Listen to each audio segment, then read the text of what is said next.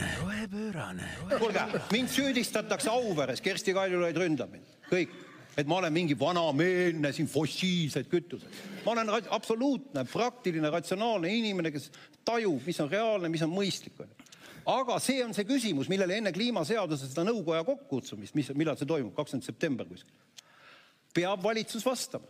näidaku töösturitele, trans-, kellele iganes, kust tuleb konkurentsivõimeline varustuskindlusega, julgeolekuga elektrivarustus ja igasugune jama, mul on kõrini nendest kuradi jamadest, mingid lobistid käivad, lastakse eetrisse. lõpetage ära see, ausõna. me ei saa Eesti rahvale lubada seda loba, ausõna. nii ja tere taas kuulama eetrit täis loba ähm,. algab rohepöörane osa, mille numbrit me ei mäleta enam ammu, nagu ikka see on neljakümne juures midagi, nelikümmend neli, nelikümmend viis. nelikümmend ja peale Jah. vähemalt e,. nagu ikka, on stuudios e, Eesti Rohelise Liikumise ekspert Madis Vasser ja ja mina, Mart Valner, Arengukoostöö ümarlauas, tere. täna salvestame Tartus, heli kvaliteet võib olla pisut teistsugune, aga loodame, et kõik töötab. Ja väga tore on vahelduseks Tartusse sõita selle, selle salvestuse jaoks, et see on vist teine kord, kui me siia, siia majja saan mina ka, mina ka tulla seda tegema, et muidu pead sina alati sõitma Tallinnasse ja ma pean ütlema, et see kaks ja pool tundi bussis on väga produktiivne aeg iseenesest. aga et ma põhiküsimus saan aru, mille pärast sa oled alati ette valmistanud ja ma mõistsin seda seal bussis istudes, mis ei tähenda, et mina seda tegin, aga ma sain sellest mõttest aru. võtmeküsimus on, kas sa ikkagi offset isid oma sõidu? kas ma koju ühe kaktuse ostma või midagi? ma ei ole oma, oma, oma sõitu seekord veel offset inud jah, aga pidanud- ma võin kindlasti panna mingisuguse puu kuhugi kasvama sa aknast oleks pidanud puistama seemneid terve tee käigus. mul, mul on terve poisu muideks igalt poolt kingiks saanud neid mingisuguseid seemnepakikesi ja asju, vaata, mis sa viskad maha mingitel konverentsidel, seal antakse sulle, et oo, näed, me oleme hästi bio, biosõbralikud ja sa saad, et ma sain mi- mingisuguse, kus pidid äh, need äh, puud kasvama hakkama, mingisuguse lille oma, siis ma sain mingisuguse, kust äh, pidid äh, maitsetaimed, et pane endale kööki ja nii edasi. siiamaani minu see success rate on, et kolmest üks on midagigi kasvama hakanud, ma ei tea, kas ma teen midagi valesti või ma avastan, et kaks aastat hiljem, et see liiga hilja, et neid maha panna aga, aga see ei tööta millegipärast. minul on mingeid harilikke, mis väidetavalt hakkavad bioidanema kuskil mm., nüüd ma kardan, et nad on unustanud, ma kuskil olen unustanud kuhugi sahtlisse ja ühel hetkel avan sealt ja siis on mingi väike aiakene seal. seda küll jah. nii, aga täna peamised suured teemad, millest me rääkima hakkame, eks ole, on äh, ikkagi äh, see, mida me eelmine kord suuresti välja kuulutasime, kahekümne septembri äh, kliimaseaduse avaüritus ja mis siis, kus me kõik sellega jõudnud oleme äh,. ja, ja siis äh, lisaks aiandusnippidele vastu oktoobrit äh, võib-olla ka riigi äh, rohepöörde tegevusplaan mida küll äh, lugedes siin viimase aja lektüüre, siis, siis me, nagu me teame, rohepööre on ikkagi üks suur pettus ja, ja jama, mida Eesti Teaduste Akadeemia ka selliseid lektüüre toetab muidugi, mis on äärmiselt äh, meeldiv, et ka alternatiiv, alternatiivteadusele antakse ikkagi äh, ruumi. kuigi ma hakkasin mõtlema praegu, kui me räägime sellest äh, äh, rohepesu paljastusraamatust, eks ole, kui meil just tuli seadusandlus selle kohta, eks ole, et igasugune uhuu-meditsiin, et sa hakkad karistada saama selle eest, siis äkki võib-olla nagu niisuguste raamatute eest võiks ka saada karistust varsti. Võib-olla see on kliimaseaduse üks paragrahv. ei tea. ma tahtsingi mainida, et me ju alguses lasime siin vahvat heliklippi, see oli siis Juhan Parts, kes äh, oli VKG kliimaseaduse üritusel. tema pikema jutu leiab, kui otsida, mis see oli Facebookis, otsida äh, Juhan Parts Next Level, siis te leiate seal, noh, see oli, see oli ikkagi korralik mitu minutit niisugust äh, tulistamist järjest, kuidas see kõik on üks suur jama ja jamps ja ikkagi ratsionaalne inimene eitab kõike. ja, ja ma nägin mitmes kohas, kus oli ikkagi postituses jagatud ka sellega, et lõpuks üks inimene räägib, kuidas asjad tegelikult on, et nagu noh, respekt Juhan Partsile. aga ma arvan, et VKG erinevatest üritustest me saaksime endale väga mitusada saadet neid avapaite veel äh, siia Jätka, võtta. jätkame traditsiooniga, aga et, et rääkida asjadest nii, nagu nad on, me täna ei ole siin kahekesi, meil on ka lõpuks ometi üks ekspert, kes teab asjast äh, nii nagu on, me oleme õnnestunud äh, saatesse meelitada siis äh, enne unustasin küsida, kas sa oled Eestimaa Looduse Fondi või Keskkonnaõiguse Keskuse või mingi kolmanda organisatsiooni esindaja täna ka Kärt Vaarmari. ja ma olen Keskkonnaõiguse Keskuse õigusekspert, selle raames ma tegelen kliimaseaduse asjadega. väga tore, nii, Kärt, kas sinu peas on selge juba, missugune kliimaseadus tulema peab, sest et eelmise aasta, et äh, eelmise aasta alguses äh, sa kirjutasid sellel teemal, missugust kliimaseadust meil vaja oleks, käisid, oled minul käinud raadios külas sellel teemal rääkimas, oled käinud Marek Strandbergil raadios külas sellel teemal rääkimas, ma olen kindel, et veel mitmes kohas rääkinud, missugune kliimaseadus tulema peaks, see oli enne seda, kui see protsess sellisel kujul otseselt pihta hakkas. kas see, kuidas see praegu läinud on, on oodatav, üks küsimus, kas on oodatav ja teine küsimus on, kas on õige ja no äh, eks meie selle ajutegevuse taga on ikka päris mitu inimest olnud, võib-olla mul on olnud jah, see õnn äh, sellest rääkida nii-öelda väljapoole ka. koos kolleeg äh, Triin Jäädmaaga tõesti me kirjutasime mm, selle aasta alguses, see tundub nüüd juba väga ammu avalikustasime analüüsi, et kuidas Eestis see kliimaseadus võiks olla, kuna me vaatasime, mm, mis toimub teistes riikides ja Eesti on ju Euroopas tegelikult üks väheseid, kus ei ole veel kliimaseadust ja kindlasti on küsimus, et, et miks see nii on või kas meil on tegelikult siis midagi puudu. kui me oma analüüsi tegime, siis me käisime rääkimas ka päris paljude riigiametnikega ja no ütleme, nende hulgas oli omajagu selliseid, kes ütlesid, et me, me tegeleme mingisuguse jamaga, võib-olla isegi lobaga ja ei ole mõtet ju teha ühte uut seadust ainult seaduse pärast. eks neid hääli, ka väga mõjukaid hääli on, on praegu ka kes ei soovi, et selline seadus sünniks, sest nad näevad, et sinna nagu läheb mingi asjatu ressurss ja et sellest ei sünni mingisugust tulu. aga nüüd vaadates, mida Kliimaministeerium on plaaninud oma väljatöötamiskavatsuses, siis on küll hea meel tõdeda, et, et see, mida meie soovitasime teiste riikide praktikast tulenevalt, et see üldisel kujul ikkagi on leidnud tee ka sinna väljatöötamiskavatsusse. et no muidugi on seal asju, mida, mida võiks ka teisiti teha ja, ja praegu õnneks väljatöötamiskavatsus on äh, avalikult väljas, kõik saavad arvamust avaldada kuni kahekümne viienda oktoobrini ja kindlasti meie ka seda veel kommenteerime. me salvestame seda viiendal oktoobrini, et kui vahepeal on see maha võetud, siis äh, me ei teadnud sellest seda küll jah, ma, mulle meeldib, et see Kliimaministeeriumi kodulehe selle juures on kohe ikkagi noh, kastik, et avaldada oma arvamust siin, et ma kujutan ette, kuidas see, see noh, tavainimene läheb, esiteks, et üleüldse läheb Kliimaministeeriumi kodulehele, ma loodan, et keskkonna... see oli ka avaleheks see pandud. ma loodan, et Keskkonnaministeeriumi kodule, et suunab ümber, kõigepealt alustame sellest. ja siis ta läheb, loeb läbi sealt selle doku ja siis ta jõuab kastikesse ja siis ta paneb sinna kirja, eks ole, noh, selle klassikalise maali ja, ja kõik need muud asjad. nii, minu arvamus on ja siis annab niisuguse juriidilise pika teksti sinna alla avalda siin kodulehel oma arvamust, ma arvan, et see on suurepärane kaasamine ja pärast me saame jälle öelda, eks ole, et kõigil oli võimalus, kõik said seda teha miks te ei teinud, palun, iga, iga, iga inimene, kes praegu, kellel on soovi avaldada oma arvamust äh, ikkagi kliimaseaduse suhtes, kliimaministeeriumi kodulehel on kastike, kus saab seda teha. see on veel selles mõttes ka mugav nagu tehniliselt võttes, et kui sa paned selle kastikese teele, on ju, seal ühtegi jälge ei jää sulle, et sa tegid seda. nii et nad saavad öelda, et sa, see ei tulnud kohale, kadus ära kuskile.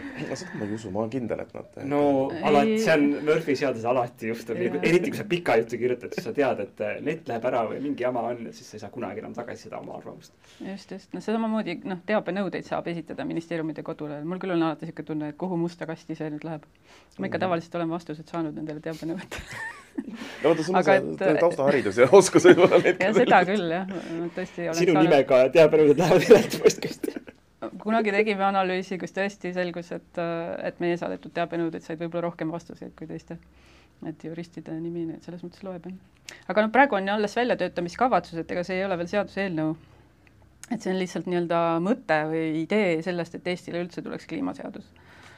ja noh, selles mõttes, et noh, võib ka küsida üldist arvamust, et, et, et miks mitte.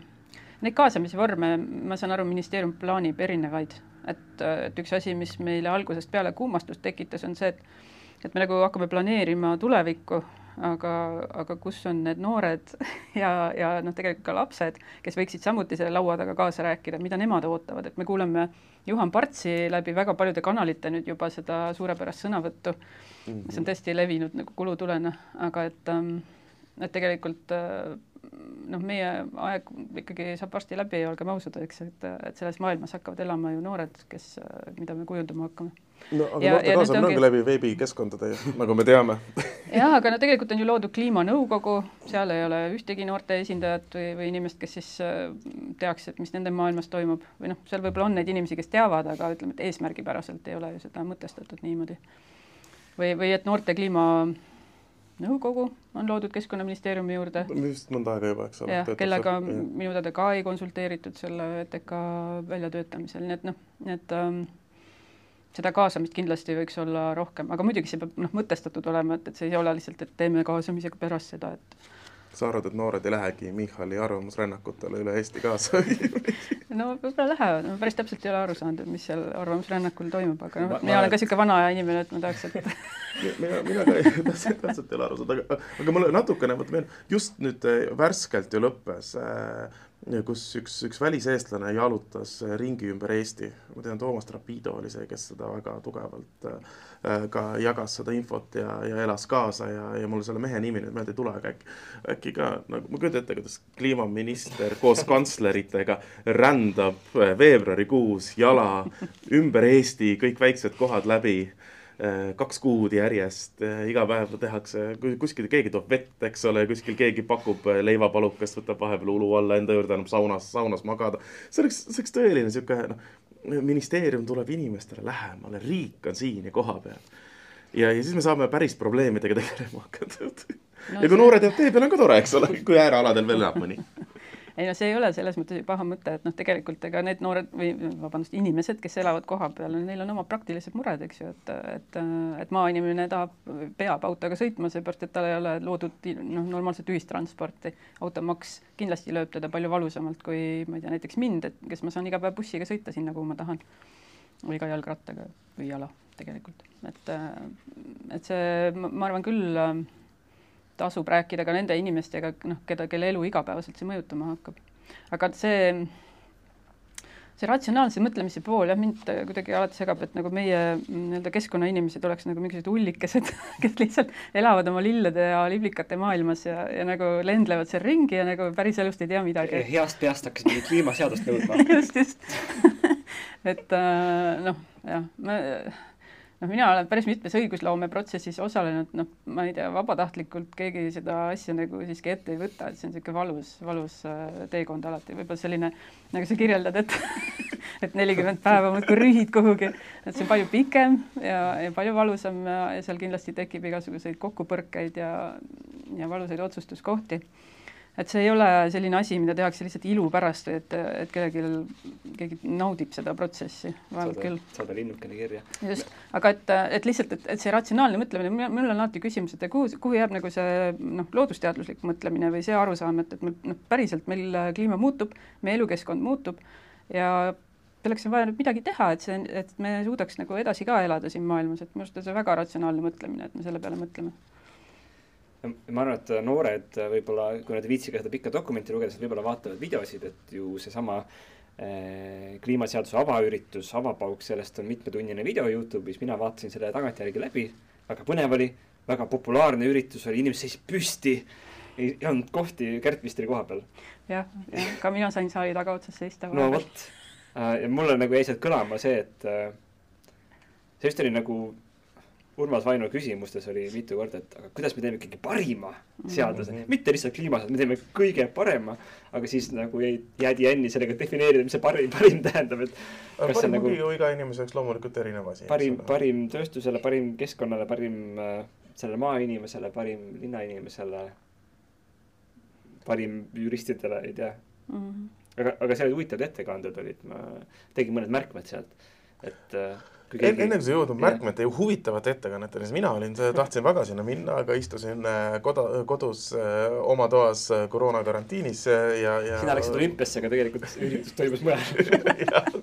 Tõsteti peale seda, kui eelmine kord kuulutasin välja, et üritus on olümpiat, tõsteti ümber. Aga jah, et, et ma olin, mina, mina oli, aga sellegipoolest ma vaatasin seda, eks ole, veebi, veebiülekandena ka ikkagi ja, ja noh, kui sa ikkagi tahad avalikult, ma, ma ei saanud aru, kellele see üritus on suunatud Madisel oli seda põnev vaadata, Kärdil oli seda kohapeal kindlasti põnev vaadata.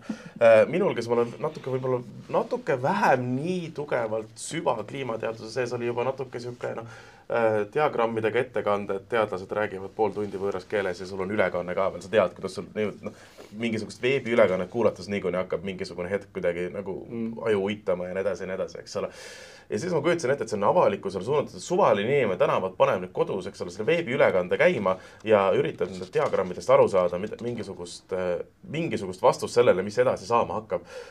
ja, ja, ja ühesõnaga ma ei saa aru, kellele see suunatud oli, kui see oli suunatud inimestele, kes on niikuinii selles valdkonnas sees on juba, siis, siis väga tore, hästi tehtud, aga kui see oli laiemale avalikkusele, siis mul on nagu teatavad reservatsioonid. ei noh, kes, kes olid liiga sees, nende jaoks oli väga basic see, et no äh, jah, nad ei saanud ka sealt nagu võib-olla täielikult et, et seal on nagu siukest nagu noh, ägedat noh, showmanship'i, keegi hüppab, tuleb lavale, voh, kliimaseadused, kliimamuutus tuleb lavale. saanud tulla.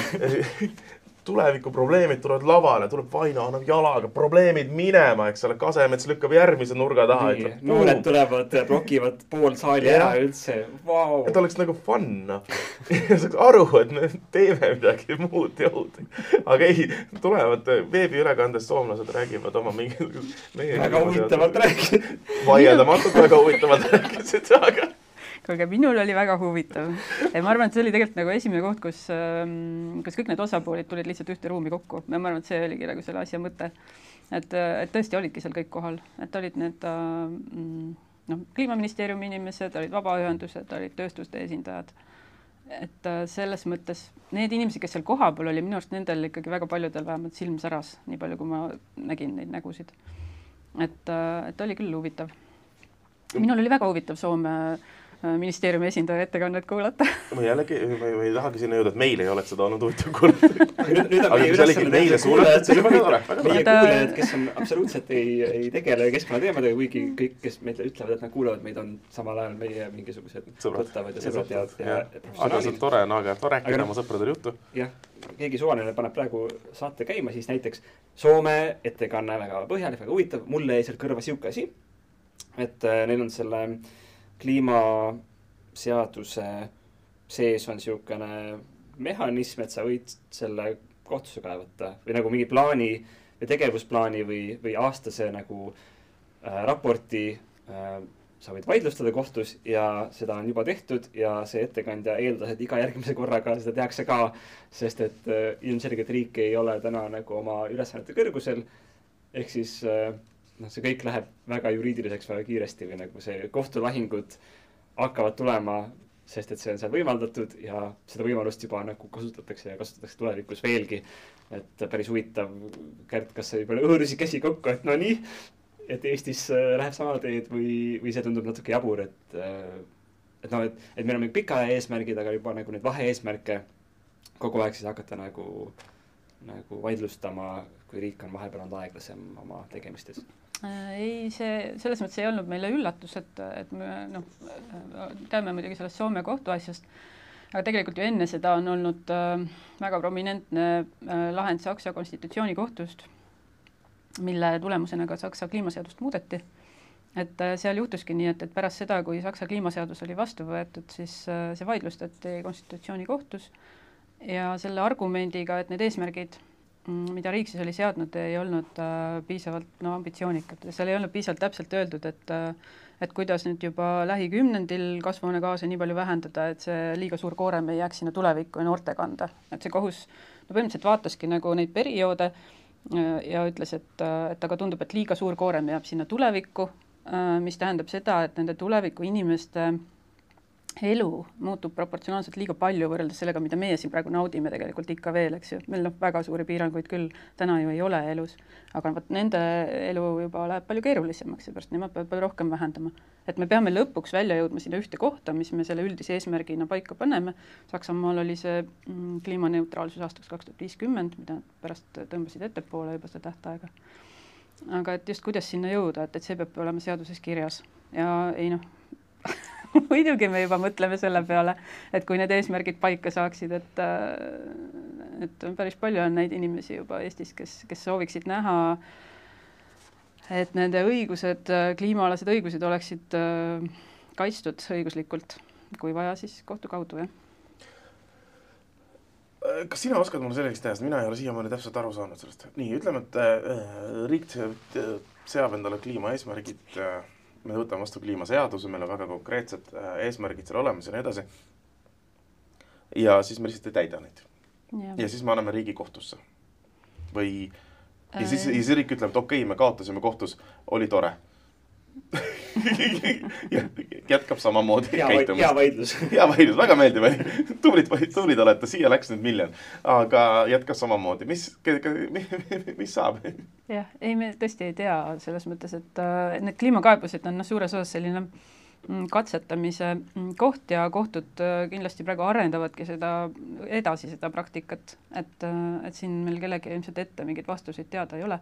ma ei tea, järgmisel nädalal, eks ju, tuleb õlitehase asjas Riigikohtu lahend, mis kindlasti oktoober, kõik värisevad. ja mis kindlasti annab mingeid vastuseid juba sellele, et kas näiteks see olukord, mis meil täna on, et Eestil pole kliimaeesmärke seaduses paika pandud, et, et kas see tegelikult võimaldab siis äh, üksikprojekte lubada, isegi kui me teame, et selle süsiniku jalajälg on väga-väga-väga suur. No see oleks see Aga- küsimus, eks ole, et äh, ehitamise jalajälg ei ole nii suur, et kui, kui ehitada lihtsalt tehas, mida kunagi tööle ei pane, siis pole ju probleemi. eks me näe, eks me näe, mida Riigikohus selle peale ütleb. aga jah, see on olnud üks äh, argument vastaspoolelt. et eh, me jah, tõesti ei tea, et, et mis siis saab, aga, aga noh, kuidagimoodi peavad ju inimeste õigused kaitstud olema, et me ei räägi lihtsalt sellest, et ähm, me räägime põhiõigustest ju, me räägime õigusest elule, tervisele, sellele, et me tahaks kõik äh, vabalt ikkagi jätkuvalt oma, ma ei tea, elukohta valida või töökohta on ju, teha oma eluga seda, mida me tahame. et kui äh, kliimamuutus meile need äh, järjest rohkem piire hakkab seadma, siis, siis need õigused saavad kindlasti kitsendatud. et tegelikult väga tõsiselt tuleks mõelda, et kuidas neid inimeste õigusi kaitstakse edaspidi. Ja minu arust meie Eesti riik ei ole väga palju mõelnud selle peale siiamaani.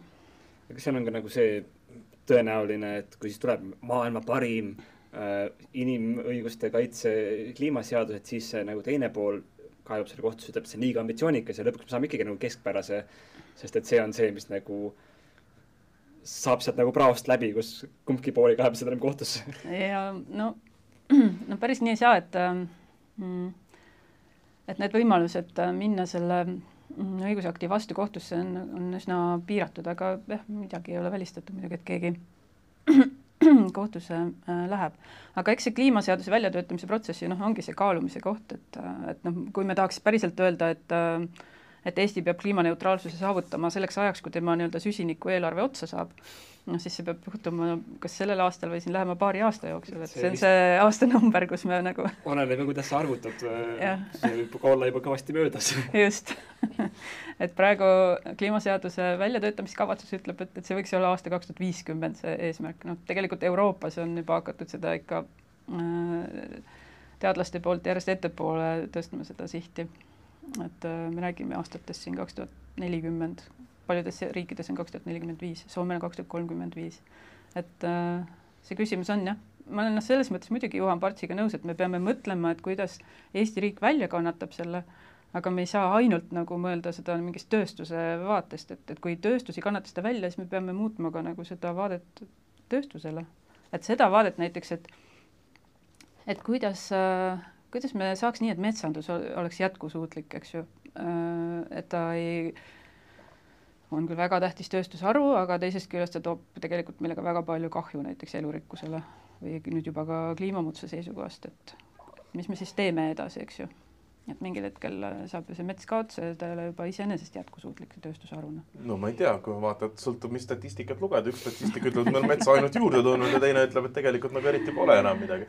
aga jällegi, jällegi sealt äh, ürituselt äh,, kes ei ole teemaga väga kursis, võib vaadata Kristi Klaasi ettekannet, tal oli väga ilus, väga, väga lihtsalt täpikene mm. -hmm. kas mingi parameeter on hea, halb või keskmine, siis äh, süsinikuheide oli seal punane täpikene just sellepärast, et, et metsad on meil hakanud süsinikku heitma, mitte enam salvestama, sest et äh, metsa majandamine on olnud üsna intensiivne viimasel ajal. jah, ja need on ametlikud Eesti andmed, mis on esitatud ametlikesse kasvuhoonegaaside inventuuridesse, prognoosidesse, et siin nagu selles osas enam ei tohiks mingit vaidlust küll olla. kuigi tõsi on, et alles eelmisel aastal vist ju neid tagantjärgi nii-öelda korrigeeriti ja siis selguski, et ohoo, et, et me enne prognoosisime, et see metsa, metsa muutumine mm, süsiniku äh, sidujast emiteerijaks toimub kusagil aastal kaks tuhat kolmkümmend viis või umbes sealkandis, et siis nüüd me teame, et oih, see juba ongi Juba käes just. jah, ja seal ju ka see äh, alternatiivne metsa hindamine tehti veel eraldi juurde, mis näitab mm -hmm. veel Mhm. hullemaid, hullemat olukorda kui see, mis ametlikus statistikas äh, ametlikus statistikas on, kus tõesti kogu see LULUCF sektor on ju, on ju heitjaks muutunud, mis peaks olema meie kõige suurem siduja. Jah, no mis, mis tekitabki kohe küsimuse, kus on meie suur plaan siis, eks ju, et, et tegelikult noh, kui me mõtleme põlevkivi peale, et, et meil on need õiglase ülemineku plaanid, et, et kus on selline plaan näiteks metsatööstusel? et kui metsanduse arengukava koostati siin viis aastat, eks ju, tehti seda, siis see teema väga palju just ei lennanud seal nendes aruteludes, et ja, miks see nii on, on ju ei no see, me jõuame siia saate algusesse tagasi, eks ole, et iga kord, kui sa sõidad bussiga Tartu Tallinnasse, siis sa loobid neid seemneid aknast välja ja siis meil on pikk metsanduse pikk plaan no,.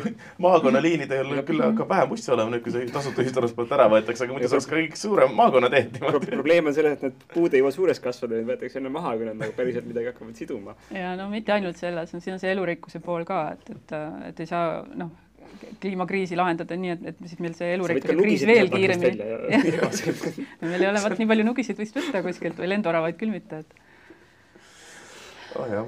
aga seal ettekandes äh, üks esimesi oli OECD esindaja, kes tõi välja kuus punkti, mis üks hea kliimaseadus äh, endas peaks kätkema. Need olid siis uh, umbes täpselt sellised, et peaks olema eesmärgid konkreetsed, pikaajalised, lühiajalised, peaks olema monitooring, et sa vaatad ka, kas sa täidad neid eesmärke. peaks olema niisugune mm, vastutuste jagamine, et kes siis teeb, on ju, see on põhiküsimus. et me ei võta otsuseid vastu, kui keegi ütleb, et mina nüüd võtan ette selle, siis on jama. Äh, peaks olema mingi teaduslik keha, kes äh, vaatab nagu kõrvalseisja pilguga, ütleb, et kas see, mis tehakse, on siis ratsionaalne või on nagu äh, teaduslik. ja siis on avalik nagu kaasamine väga oluline ja siis äh, kliimaseadus võiks täiendavaid instrumente tuua ka meie, meie platale, et kui me täna ütleme, et me ei suuda ja, ja kliimaministeerium teatud juhtudel ütlebki, et noh, eesmärgid on sellised, aga me täna ei tea, kuidas me neid saavutame, siis kliimaseadus võiks äh, pakkuda võimalusi. kas midagi meil puudusid, Kärt, või midagi on üleliia? ei, sa mõtled, et need, mis ta loetles üles, jah, need olid äh, need punktid ja, ja., ja põhimõtteliselt sedasama ka meie leidsime oma analüüsis, me põhimõtteliselt samu asju kaardistasime mis me veel välja tõime, mm, võib-olla oli just see, et ka oleks nagu mingisugused üldised äh, sellised äh, põhimõtted, mis äh, aitavad otsuseid teha sellistes olukordades, kui on niisugune kaalukauss siia või sinnapoole. ja siis mõnikord on see küsimus, et millest sa lähtud. et näiteks keskkonnaõiguses on niisugune hästi hea põhimõte nagu ettevaatuspõhimõte.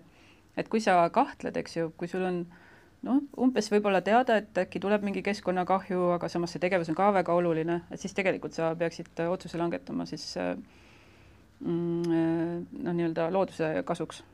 et, et see kahtlus äh, peab sind juba panema sellest tegevusest äh, loobuma, et olulist ähm, kahju tuleb vältida. no publikust tuli kommentaar see Eesti Elektritööstuse Liidu ähm, esindaja Tõnis Vare, kes ütles, et ikkagi majanduskasvu strateegia on see mhm. peamiselt ja eelkõige. ja siis tema nagu nägemus on selles, et printsiip üks on see, et see majanduskasvu strateegia osa, me räägime kogu rohepöördest. jaa, kõik. ka see no, kliimaseaduse rohepööre muidugi noh, mõned noh, natukene, mõnes mõttes natuke erinevad teemad äkki. ka mina lugesin VKG äh, kriitikat äh, just kliimaseaduse väljatöötamiskavatsuse suhtes, kus ta heitis ette, et aga siin ei ole välja öeldud, et äh, sellega tuleb saavutada majanduskasv.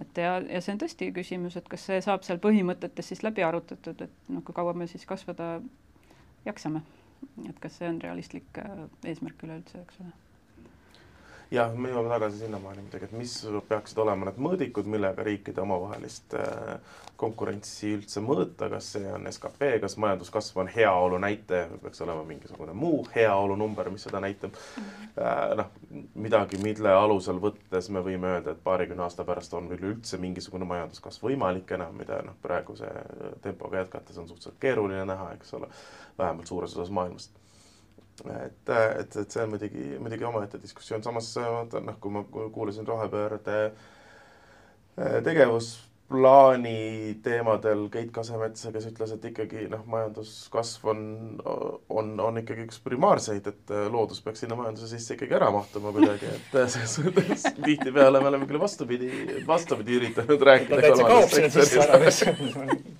sügavale peituma. mahtuma, mitte kaduma, tähendab jah pigem ma täpsustan, ma kliimaministeeriumis ei ole keegi öelnud, et loodus peab ära kaduma minu kuuldes. Täpsustan. jaa, ei see on hämmastav jah, et ikka ma jälle jõuan sinna, et, et looduskaitsjale heidetakse ette, et nad ei ela nagu ähm, nagu reaalses maailmas või et, et nad äh, ei arvesta faktidega või teaduslike andmetega, et minu arust vastupidi, minu arust just loodusteadlased on need, kes arvestavad äh, kogu reaalse maailmaga ja kõigi faktidega, see majanduspool jätab siiski mõned asjad arvestamata. Arvamusfestivalil oli tore arutelu, et äh, tuleviku majanduse mudelid äh, Elevant toas, kus siis arutelu ähm, osalised jõudsid väga kiiresti selleni, et mingit elementi ei ole olemas. Ja läksid edasi oma business as usual pisik, pisikese rohe nagu siukse piserdusega. Et see oli huvitav, ma läksin ära sellelt arutelult. Sa oleks võinud selle elevant, sa oleks võinud olla see elevant seal. aga jah, ei, see on äh, noh, kui me jõuame jällegi sinna teaduslike faktide ja asjadeni, siis me, see teema, eks ole, mida me nüüd eelmine kord Madisega omavahel arutasime, aga nüüd on meil lõpuks ka ekspert siin, eks ole, et kui me võtame selle kliimanõukogu nüüd ikkagi ette. Et Gert, mis arvamused sinul õigus, õiguseksperdina, kedagi, ühtegi keskkonnaõiguseksperti seal kliimanõukogus minu teada ei ole? Eh, väga vähe üleüldse inimesi, noh, noortest eh, noori seal ei ole niikuinii, eh, kolmandat sektorit ja keskkonnaühendusi ja kogu seda vaadet esindab üks inimene kokku. oma isikliku kapatsiteediga. isikliku aktivismi mandaadiga. et kui, mis, mis vaated sinul on Kliimanõukogule? no jaa, ei noh ei saa panna teadlasi ja huvigruppe nagu ühte ruumi kokku ja siis öelda, et, et nad esindavad mingisugust teaduslikku vaadet, et nii see kindlasti ei ole.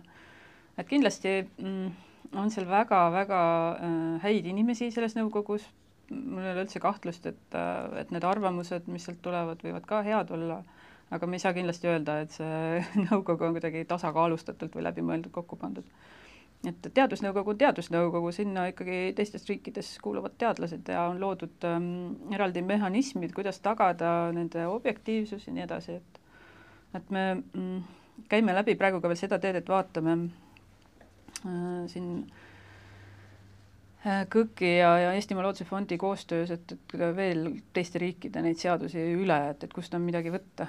et Prantsusmaal vist oli äh, need teadlased umbes enne igat koosolekut või, või tähtsat otsustust peavad allkirjastama seal deklaratsioone, et neil ei ole huvide konflikte ja nii edasi, et et me noh, võtame teadusnõu- või noh, okei okay,, meile nimetatakse seda kliimanõukoguks jah, võtame mm -hmm. sinna inimese, ütleme, et ta on ettevõtluse ekspert ja siis äh, selle äh, mandaadiga, siis ta esindab seal mingisugust äh, arvamust, et äh, noh, see on tegelikult ikkagi väga segane, et mis mandaat sellisel, äh, sellist tüüpi kogul on. ja, ja, ja nagu... miks on vaja nüüd kuut ettevõtluseksperti sinna? jah, noh, see tasakaalustatus on jah veel omaette küsimus, noh, see näitabki seda, et kogu see kliimaseaduse lähtekoht on praegu väga ettevõttekeskne mis selles mõttes ei ole üldse hea, et, et tõesti see inimese pool on jäänud sealt ikkagi minu arust puudu.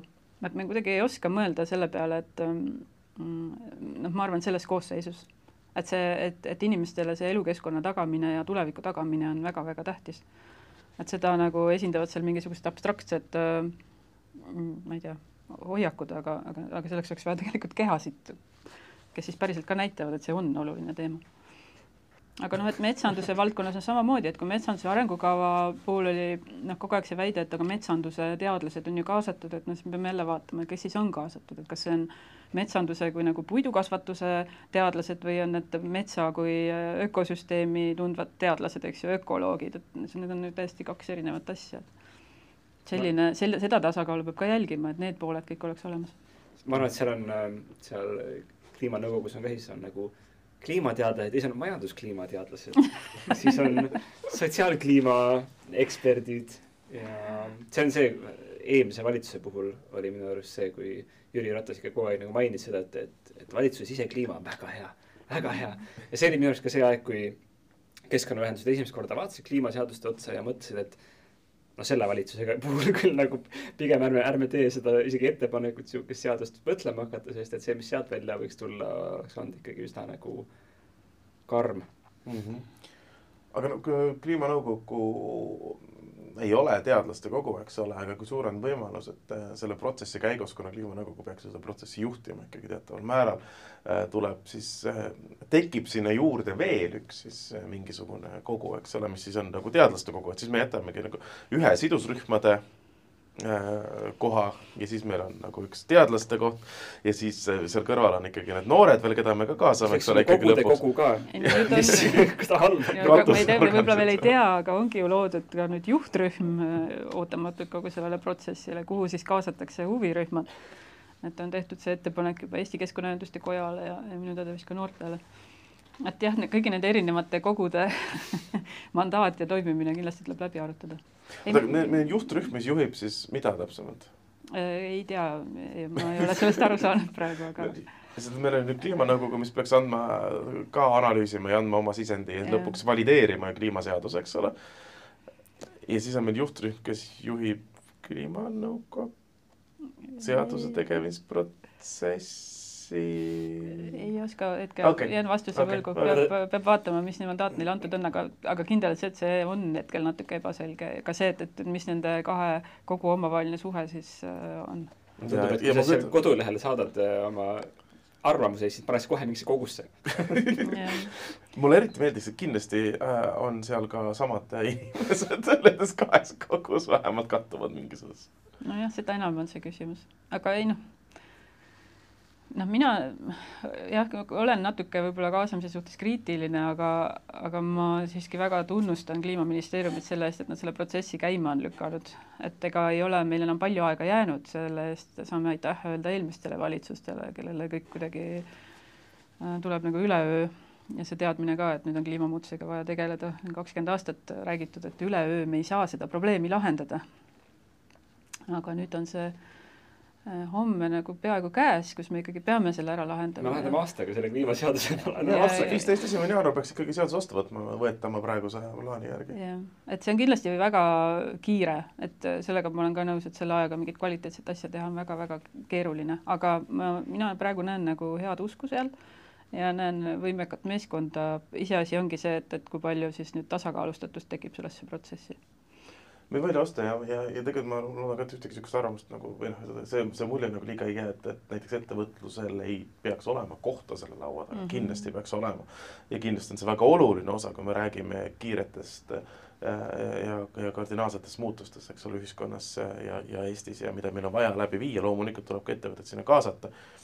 aga noh, loomulikult kui vaatame ka selle kahekümnenda septembri lõpuürituse äh, arutelu ümarlauda, eks ole, siis see oli jällegi taaskord lihtsalt ettevõtjad arutasid omavahel, et noh, mis me siis teeme, eks ole Mhm. jah, noh, eks nad mõnes mõttes ju peavadki noh, seda arutama, eks ju, aga, aga tõesti, et see ei muutuks nagu noh, mulle tundub, et ettevõtjate ettekujutus, see kliimaseadus ongi midagi sellist, et nemad tulevad ühte ruumi kokku ja siis omavahel lepivad kokku, see on nagu mingi härrasmeeste kokkulepe mm Mhm. -hmm. umbes, et oo, sina teed seda ja mina teen seda ja siis me nagu jõuame mingi tulemuseni, mille me siis suudame maha müüa, eks ju, Eesti rahvale. et noh, päris nii see ei saa ikkagi käia.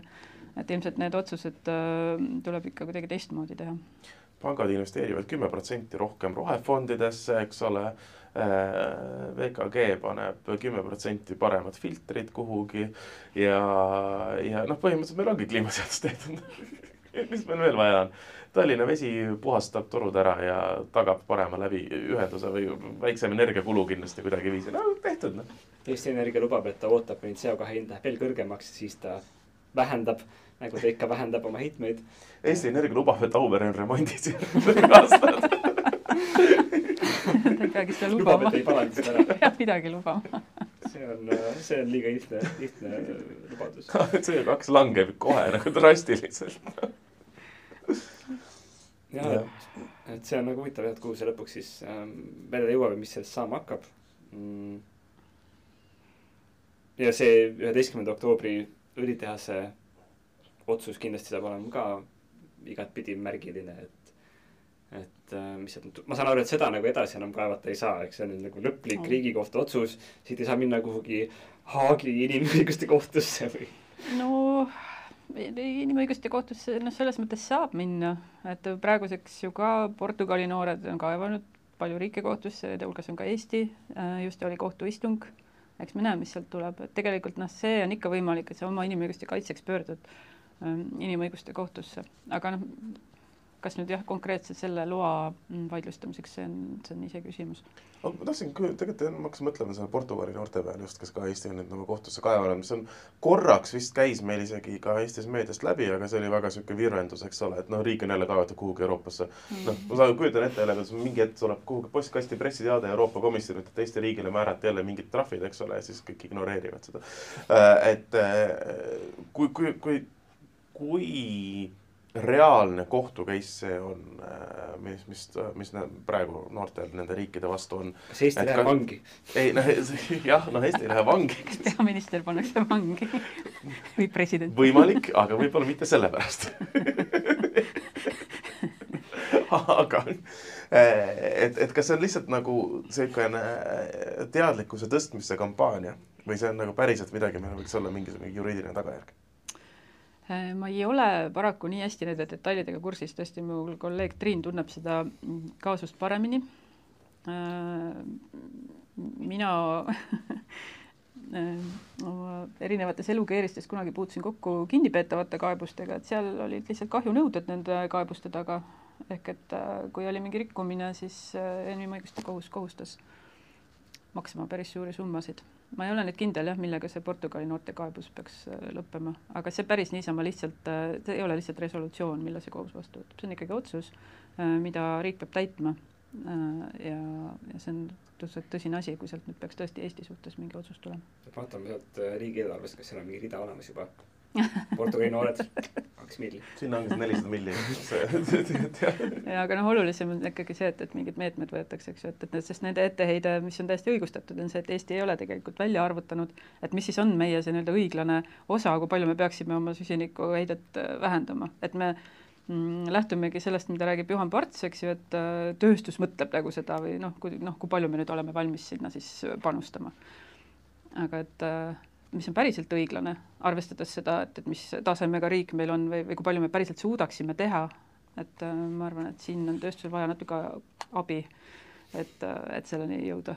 ja võib-olla peame vaatama ka ajaloolisi heitmeid, et äh, kus on, kus on need nagu panused siiamaani olnud kõige suuremad, kus, kus esimesena võiks hakata kärpima, et äh, kui me hakkame Eestis vaatama ajaloolisi heitmestatistikat, siis me läheme automaatselt jälle sellesse, et aastat, võrreldes aastaga tuhat üheksasada üheksakümmend me oleme kõik oma eesmärgid täitnud ja Euroopa Liidu sees. me võime vaadata alates üheksakümmend kuni täna, mis sektorid on kõige rohkem heitnud ja see oli ikkagi nagu see põlevkivisektor nagu noh, võtab selle piruka põhimõtteliselt enda koju, on ju. Mhm. et seal teised sektorid on niisugused pisikesed kriipsukesed, kus me täna ka ägame, on ju, et me ei suuda transpordis midagi teha ja automaks tundub nii utoopia mm., et kõik pigem nagu kolivad Lätti, kui, kui hakkavad automaksu maksma.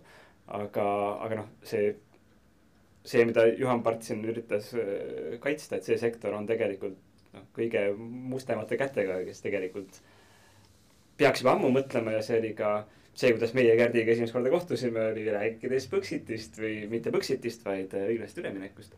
Põxit ei meeldi kellelegi, õiglane üleminek äh, nüüd vaikselt hakkab meeldima, aga samas noh, see oleks sama selget sõnumit ka riigi poolt, et, et neid ka huvitab see. jah, no kliimaseadus selles mõttes noh, mina hetkel küll mm, olen hästi tänulik, et nüüd on välja öeldud see, et, et selle raames otsustatakse ära, mis saab põlevkivitööstusest, mis saab turbatööstusest. ja ma muidugi sellise idealistina loen sellest lausest välja, et otsustatakse ära, et mis aastal need siis mm. ära lõpetatakse tegelikult. ma ei tea, kas see päriselt nii läheb, aga noh, tegelikult on ju Eesti riik välja öelnud, et põlevkivitööstus tuleb lõpetada et ta on seda välja öelnud lihtsalt äh, nendes dokumentides, mis lähevad Euroopa Liidule ja võib-olla Eesti avalikkuses ei ole seda nii hästi artikuleerinud. pressiteates ei ole mahtunud veel jah, aga tegelikult need lubadused on juba antud, et ja selles ei ole ju küsimus. seal üritusel ka ikkagi kliimaminister minu arust mainis ja keegi küsis publikust, et äh, mis värk on, et miks siis neid uusi kaevanduslubasid ei saa ja siis ta ütleski, et no neid lubasid juba on kah omajagu, et küll sellest, sellest piisab päris mitmekümneks aastaks ja ja pärast seda me peaksime olema juba üle liikunud kuhugi järgmisele nojah, aga see ei saa, see ei saa olla ka see, eks ole, et meie eesmärk on, et me kaevandame nii kaua, kuni on majanduslikult kasulik ja siis, kui tuleb välja, et noh, siis kui me nagu ammendanud kõik majanduslikult kasulikku põlevkivi, siis okei okay,, kuulge, me otsustasime, et aitab. Mm. teeme nüüd ikka, nüüd, nüüd on aeg nagu kliima poole ikkagi vaadata, et äh, paneme, paneme kinni selle jama, eks ole et eh, noh, mis on praegu natukene nagu, nagu see suund, kuhu, kuhu me liigume, et venitakse nagu hästi kaua, et et lootus ongi, et äkki kaks tuhat viiskümmend saabki nagu põlevkivi otsa, et siis me saame selle kliimaneutraalsuse kätte nagu. ei noh, päriselt jah, mina alustasin tööd äh, kunagi Eestimaa Looduse Fondi juristina, aasta oli kaks tuhat kaks ja ma väga hästi mäletan, et siis äh, Eesti Roheline Liikumine rääkis, et põlevkivi kaevandamine tuleb lõpetada ja vastuseks said nad järjepidevalt, me ei saa selliseid muutusi teha üleöö mm. -hmm. sellest ajast on üle kahekümne aasta praegu möödas, noh, see retoorika on ikka täpselt sama tegelikult. et ja samal ajal muutused toimuvad, vahepeal Eesti Energia ei tooda nagu megavattigi põlevkivist elektrit, töötajad on siis palgalisel puhkusel ja riik maksab selle kinni ja muidugi sest nii on mugavam, kui päriselt tegeleda asjaga. aga nüüd tuleb kliimaseadus ja lahendab kõik ära kaks tuhat viisteist, esimene jaanuar. Võime Meie... rahulikult magada.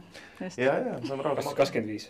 vabandust, jah, aastal kakskümmend viis, ma ela, elasin mingis muus kuskil paralleeluniversumis see kõik toimus kaks tuhat viisteist. Eesti oleks juba edukas rohepöörde teinud eh, mikroriik. maailm vaataks. me saaksime siin rääkida, kuidas kaheksa aastaga. E-Estonia, vaid G-Estonia on ju, green super green, amazing äh,. jah, aga me ei ole seal. see meie reaalsus on see, et äh, me nüüd punnitame, vaatame äh,. kindlasti tulevad põnevad arutelud, kindlasti iga täiendava meetme puhul toimuvad suured äh, protestid äh,, mis iganes äh,. äh nüüd on mingi suhkrumaks, millega on mul on siin väga magus jook laua peal mm. -hmm. ma olen nõus selle eest maksma oma tervisega. et neid arutelusid ilmselt tuleb, kes vähegi huvi tunneb, siis äh, olge kursis. minge Arvamusrännakule. jah ja., täitke neid kastikesi seal Kliimaministeeriumi kodulehel, minge Arvamusrännakule. kõlab väga hästi. Kas see oli, ma saan aru, et sihuke lõpuspiik praegu? see tundub, et tundus, aeg, mis meile on antud, hakkab otsa saama okay.. ma panin eesmärgi, me oleme sellele lähedal, me peame olema äh, net, net zero jutuga kahe minuti pärast aga siis okei okay., no siis äh, oli äh, tore, Kärt, aitäh, et sa tulid Äh, natuke valgustasid meid kliimaseaduse teemal. Äh, Tartus on üleüldse tore käia, ma proovin seda vähem teha, siis saab äh, olla keskkonnale kasulikum, sest kui sina Tartust Tallinnast sõidad, see on lühem maa, vaata, et siis on nagu, nagu kliimaneutraalsem natuke. ja, ja siis äh, kõik kuulajatel, kellel on küsimusi, ettepanekuid ja mõtteid, saab, mida, keda võiks veel külla kutsuda termingut rääkida, saab alati ju kirjutada johanna.laastet.delfi.ee saatke kõik sinna see kõlas alustas, saatke kõik sinna. kõik kõik, kõik oma ettepanekud kliimaseadusesse ka palun saatke kõigepealt Johanna, las ta vaatab üle, mis. see on CC-sse, Johanna läheb CC-sse, et siis on nagu kindel, et saate pärast kontrollida, kas mm. ministeerium on vastu võtnud teie arvamuse. Või pange, pange Kärdi nimi kuskile, siis on kindel ka, et ministeerium võtab selle tõsiselt. Kärt Vaarmari saja kahekümne neljas ettepanek. Nii, ma arvan, et sellega võime lõpetada. Tänase saate. Kuulmiseni. aitäh.